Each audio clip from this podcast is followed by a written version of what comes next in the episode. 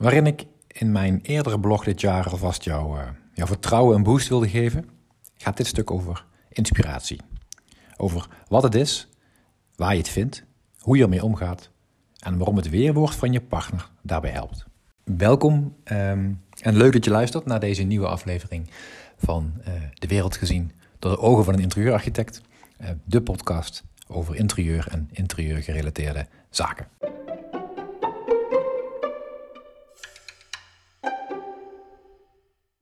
Inspiratie dus. Um, in de volksmond betekent dit woord niks anders dan, uh, dan shoppen en etalages kijken. Massa's mensen schuren dagelijks over het gladgelopen plaveisel van de meubelboulevards en pinnen samen miljarden inspiratieplaatjes op alle, allerlei online media.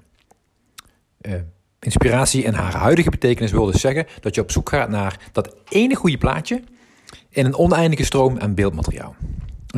Kansloze exercitie als je mij vraagt, die niet alleen tijd kost, maar vooral ook jouw creativiteit eh, ja, afstomt.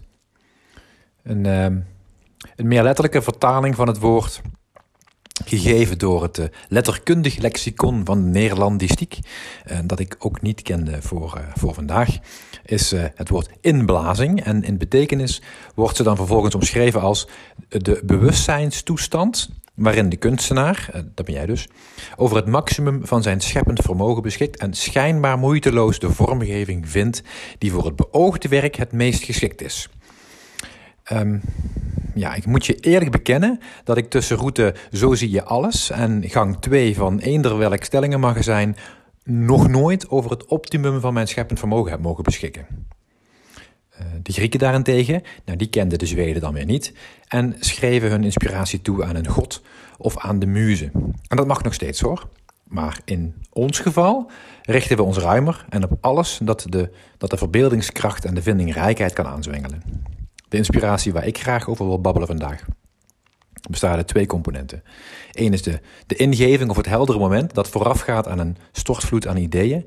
En tweede, daadwerkelijke vinding van bruikbaar materiaal of stof dat dan geschikt is voor het doel dat jij voor ogen hebt. En dat, uh, ja, dat vinden van die inspiratie of, of, die, of die startmotor als het ware, ja, dat kun jij ook. Dat kan namelijk iedereen. En, en als je hem vindt, dan zet het een kettingreactie van associaties in gang. Um, begrijp daar dan wel bij dat associëren uh, niet betekent kijken naar wat een ander heeft gedaan om dat dan zo correct mogelijk te doen kopiëren. Want dat heet dan dus gewoon uh, kopiëren. En daar wil ik je eigenlijk voor beschermen. Um, en dat is heel lastig, want er wordt jou een, er wordt een, een, een, een arsenaal aan um, zogenaamd inspiratie, inspiratiemateriaal aangeboden en afgevuurd op jou ja, in de vorm van, van ja, geanceneerde situaties, digitale etalages, uh, beelden van, van, van bestaande interieurs. En daarmee verken je inderdaad jouw mogelijkheden, klopt. Maar het zet vooral je geld in gang en niet je creativiteit. En dat is heel goed voor de economie, maar ook weer heel slecht voor jouw inspiratie. Dus ik zou je graag willen aanmoedigen om, om te proberen geïnspireerd te raken, zoals een dichter geïnspireerd kan raken door een ballerina. Uh, ja, of, of, of door zijn muze, mocht die, uh, mocht die Griek zijn.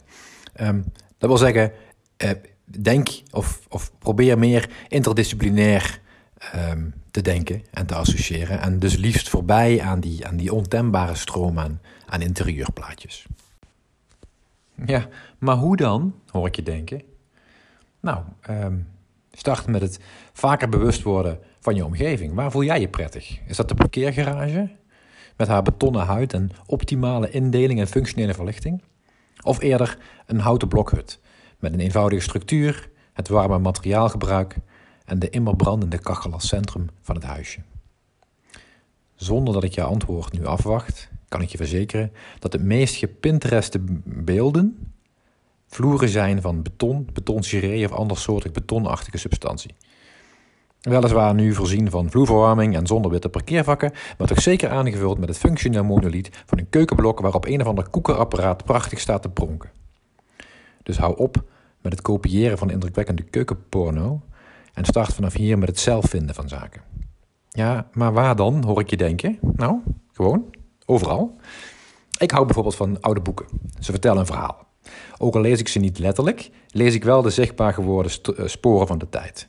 Ik geniet van het geluid van de strak gesneden pagina's die langs mijn vinger glijden, de kreukjes in het perkamentachtige papier ehm, de, de wolkachtige wijze waarop de kaft verkleurt, het handschrift van de kunstenaar in, in het geëtste illustreerwerk, haar stilte nadat ik er eentje opensla, de loslatende binding waardoor ik er extra voorzichtig mee omga, het ezelsoor dat aangeeft waar ooit iemand gestopt is met lezen. Allemaal zaken die meewegen in de esthetiek van een goed boek, dus los van haar inhoud. En voorbij die uh, ontologische romantiek word ik aangetrokken door, door de simpele eenvoud. Door de organisatie van de pagina's, de functionaliteit in gekozen materialen. En papier, het karton, misschien leer of canvas als kaft, Arabische gom, inkt en heel veel tijd. Het zal jou dan ook niet verrassen dat ik gek ben op natuurlijke materialen. Materialen die vies mogen worden, plaatselijk verkleuren, kreuken, reageren op het gebruik en slijten in de tijd. Ik hou van canvassen, ik hou van eh, grof geweven stoffen, van stapeltjes en organisatie. Ik hou van eenvoud, orde.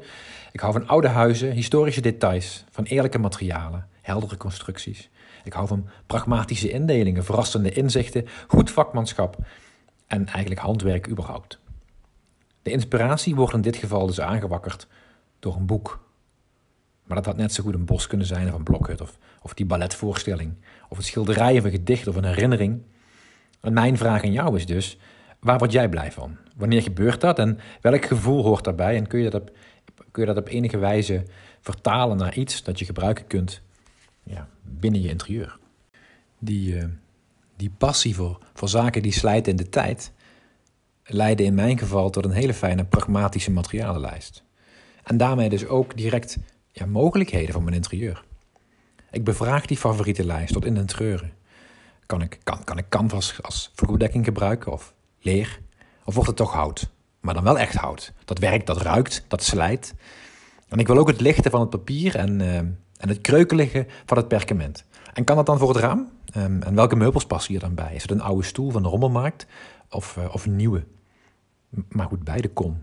Ik, uh, ik redde drie prachtige Scandinavische lichtstoelen van de brandstapel. Om daar dan weer voor een kapitaal aan nieuw stoffeerwerk op los te laten. Dat is fantastisch handwerk geworden.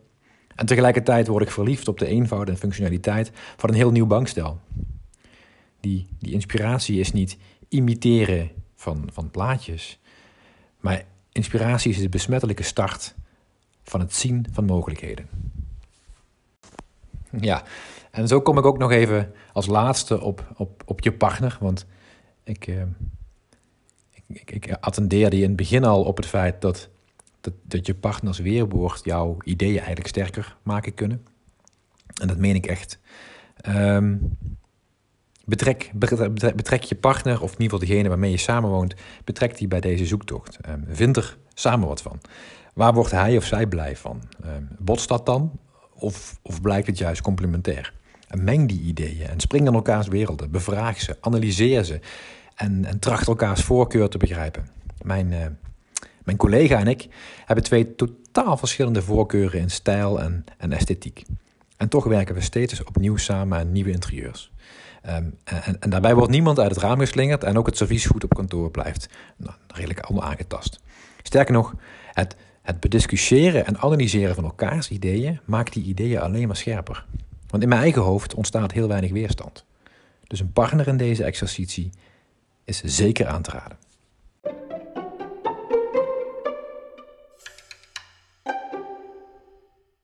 Leuk dat je hebt geluisterd. Dankjewel voor het geduld. Um, succes met jouw eigen zoektocht. En um, in de volgende aflevering van ja, De Wereld gezien door de ogen van een interieurarchitect neem ik je mee um, in een verhaal over stijlen. Uh, mocht je vragen of kritieken hebben, uh, schroom niet en laat me die, laat me die weten. Laat een reactie achter of, of spreek wat in. want ja, kritiek maakt ideeën scherper, toch?